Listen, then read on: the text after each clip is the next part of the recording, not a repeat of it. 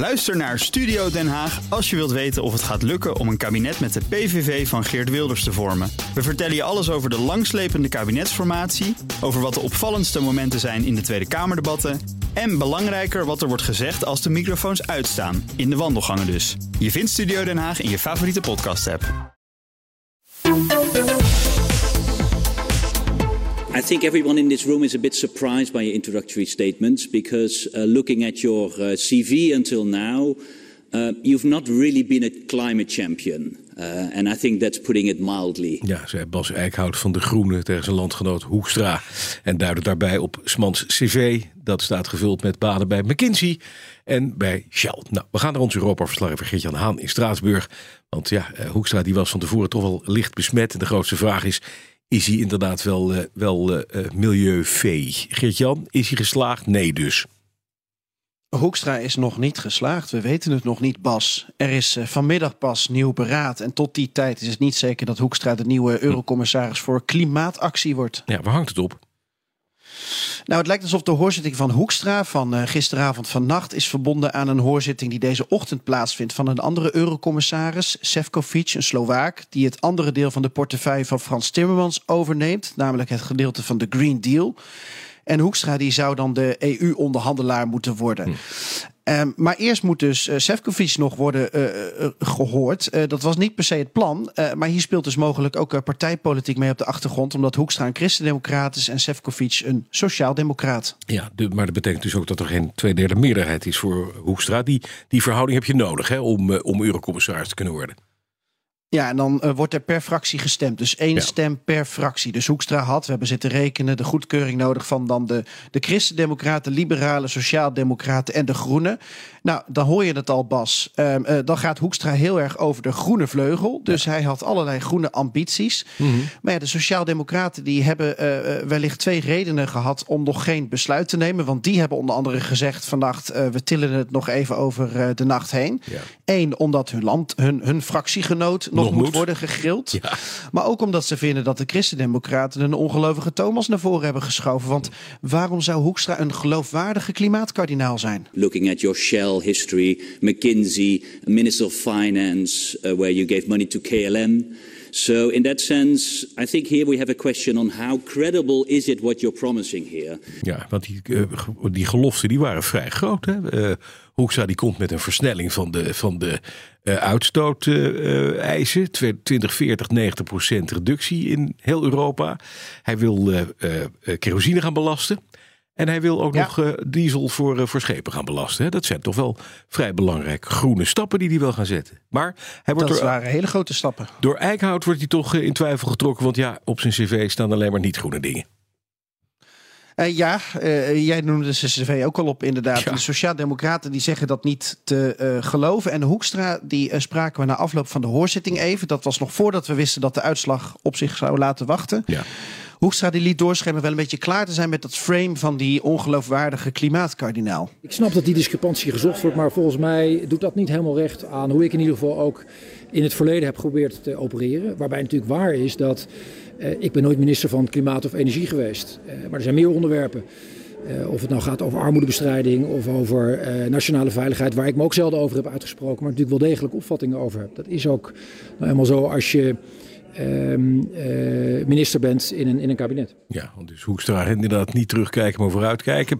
Hoe, hoe deed hij bij die hoorzitting? Was hij, was hij overtuigend?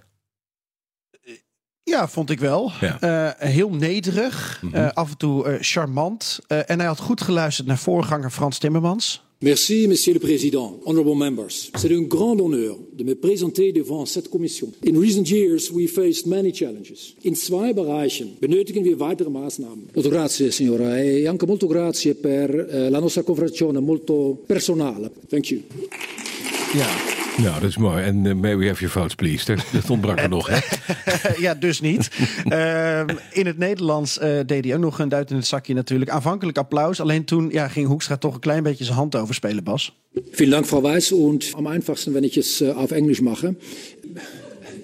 Um, die... Ah, oh, I, I, I, I'm, I, I have to say I'm a Dane, but Very I do sorry. speak uh, I sorry. do speak German. So. Ah, tut, mir, tut mir wirklich leid, das, das hätte ich wissen müssen. Ähm, deep apology. It, happens to the Dutch all the time, by the way. So I, uh, I, I know a bit of the feeling, but apologies, ma'am. Um, ja, je komt van alles tegen. 27 lidstaten natuurlijk, hè? Ja, ze heette mevrouw Weiss. Dus ik snap de verwarring. Maar ja, dan blijkt ze dus een Deen te zijn. Mm. Het was ook een lange zit, Bas. Drieënhalf uur werd nog uitgesteld door technische malheur. Omdat de microfoons niet goed uh, deden. Moest het hele zwikkie, pers en parlement naar een andere zaal voor die hoorzitting. Kon Hoekstra wel even op pauze komen met zijn team even overleggen. Want ja, wat, wat, wat moest hij nog doen om geloofwaardig over te komen, Papas? Ja, dat is natuurlijk wel het verhaal. Hè? Eh, die geloofwaardigheid hadden we het al even over. Hij stelt dus een aantal dingen voor.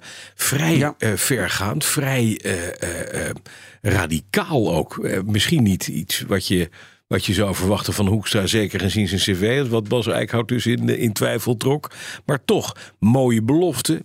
Maar mooie belofte kan hij niet waarmaken, is de grote vraag natuurlijk.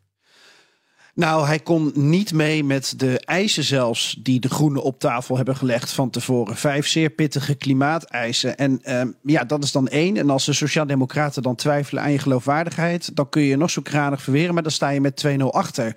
En die sceptisch heeft hij gewoon niet weg kunnen nemen. Ook al is hij aan die um, uitdagende belofte wel, um, uh, ja, wel wat tegemoet gekomen hoor. Met, mm -hmm. met die um, uh, Europese klimaatdoelen. Dat hij die niet simpelweg wil doortrekken, maar een soort scherper tussendoel wil. En dat hij die doelstelling voor 2040 in Europa op 90% minder CO2-uitstoot wil leggen. Een belasting ja. op kerosine. Je zei ja, het al. Het is, het is echt wel. Het is wel ver. Het is echt alsof je naar iemand anders luistert. Um, maar daar zat juist het probleem. Ja, nou inderdaad, nu dus uh, vanavond meneer Sefcovic even aan het, aan het werk. En daarna. Uh, uh, stel dat hij nou niet die twee derde van de stemmen van de fracties krijgt, hè, van, die, van de Sociaaldemocraten onder meer. Ja, wat dan? Is het dan. En de Ubong en zijn baan hier kwijt als minister van Buitenlandse Zaken. En hij wordt geen eurocommissaris. Ik kijk even over deze week heen, want dan zou er een tweede hoorzitting komen. Ja. Als hij uh, het deze week niet redt.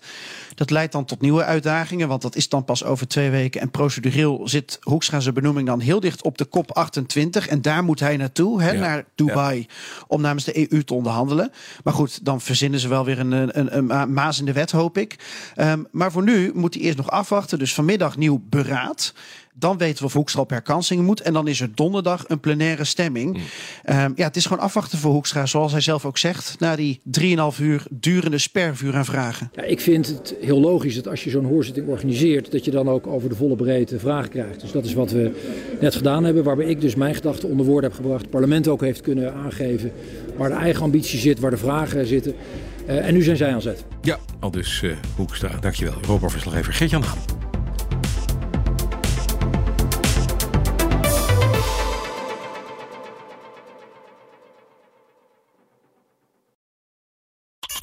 Harm Edens vind je in de BNR-app. Je kunt BNR Duurzaam niet alleen live luisteren in de app, maar ook terugluisteren als podcast, zoals al onze podcasts. En naast dat de BNR-app Breaking News meldt, houden we je ook op de hoogte van het laatste zakelijke nieuws. Download nu de gratis BNR-app en blijf scherp.